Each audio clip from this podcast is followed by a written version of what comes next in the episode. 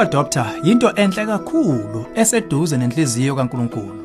Wonke umzalwane wafaka emndenini wakhe uNkulunkulu njengokusho kwezwi kwabaseRoma 8 ukuthi si-adoptiwe saba ngamadodana namadakazi. Uma umndeni ucabanga uku-adopta kuningi okufikayo. Amalungiselelo nokuhlela okuningi okudinga ukwenziwa kuqala. Kwenziwa kanjani uma kuwukuthi umntwana ozofakwa emndenini usekwabhekana nokuhlukumezeka phambilini? Lezo zingane zidinga ngempela ikhaya elifudumele nelinothando nomndeni ezizozizwa ziyingxenye yawo nokho lolo hambo lungayinselelo kubazali. Hlala ulalele sizokhuluma kabanzi ngalesihloko namuhla ohlelweni ezomndeni.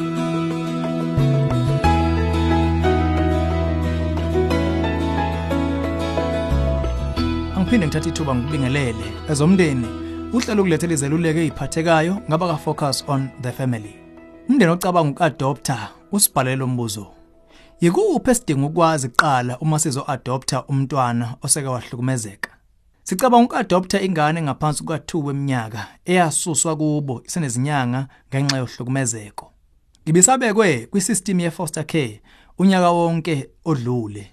Yikuphi okuyingcuphe esizibeka kukho na? Kuqala udinga kuba unconywe kakhulu ngokuzimisela uku-adopta ingane enemumva elibhlungu kanjalo.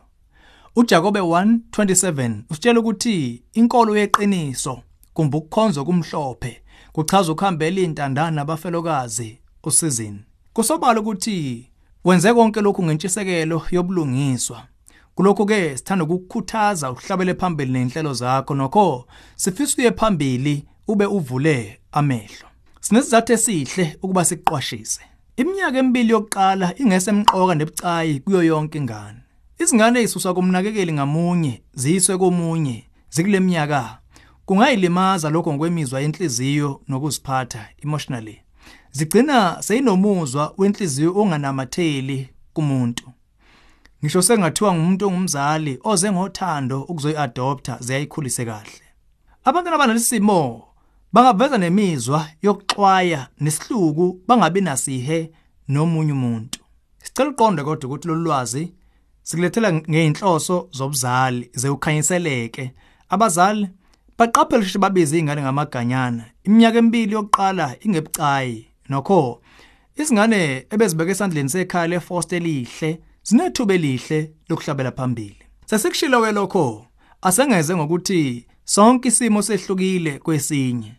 Okuningi kuncike ebuqwini boqobo lomntwana lowohloso kum-adopta kanjalo nohlobo lwe-foster care alithola emumva kokuba asuswa kubo.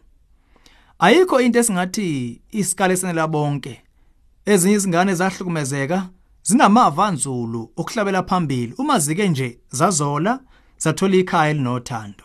Sikhuthaza uqale ucoshe lonke ulwazi ongalithola kwi-social worker lomntwana. Uma kusenokwenzeka kusengasiza ukuqala uyokhuluma futhi nabazali ababeyifoster lengane. Lokho kuzokupha uhlobo lonakekelo abelithola nokuthi ngakube ukhombisa enazo yini inkinga ngokwemizwa yenhliziyo noma cha khumbula ukuthi lolo hlobo lweinkinga alikuthiki kuba wenza iadoption. Ukuphulukiswa kweqiniso kuvela kuNkulunkulu futhi ke ikhaya labazalwane yilo kanye eliseqhulwini lokuletha lolu phulukiso kulomntwana onezibazi zomndeni. Uma ugcina ngokunqoma kumthetho lomntwana sikhuthaza ubonane nepsychologist esebenza kakhulu ngezimo zasemntwaneni ezingokunamathela kumuntu. Lizokusiza likunye ne-social worker nongumzali obeyi-foster parent ukuba adlulele ngesizotha ekhala kwakho lomntwana umnyango wezokwelulekwa efocus on the family ungakunikeza uhla kumbe ukudlulisele kuma psychologist aseduze nawe. Lo mnyango wethu uyothakasa futhi ukulumana indlebe nawe ngocingo. Sicela ungathandabuzi ukusifonela kwinombolo ethi 031 716 3300 ukuze ukhulume nongakusiza ifocus on the family ingummelo qatha odabeni lokuadopta nasekumeleleni ubumsulwa bempilo yomuntu. Sekuncoma kakhulu ohlelweni lomndeni wakho ukukhetha ukuadopta lolu hlelo ezomndeni ulethulelwe yifocus on the family sihlangabezwa ohlelweni oluzayo.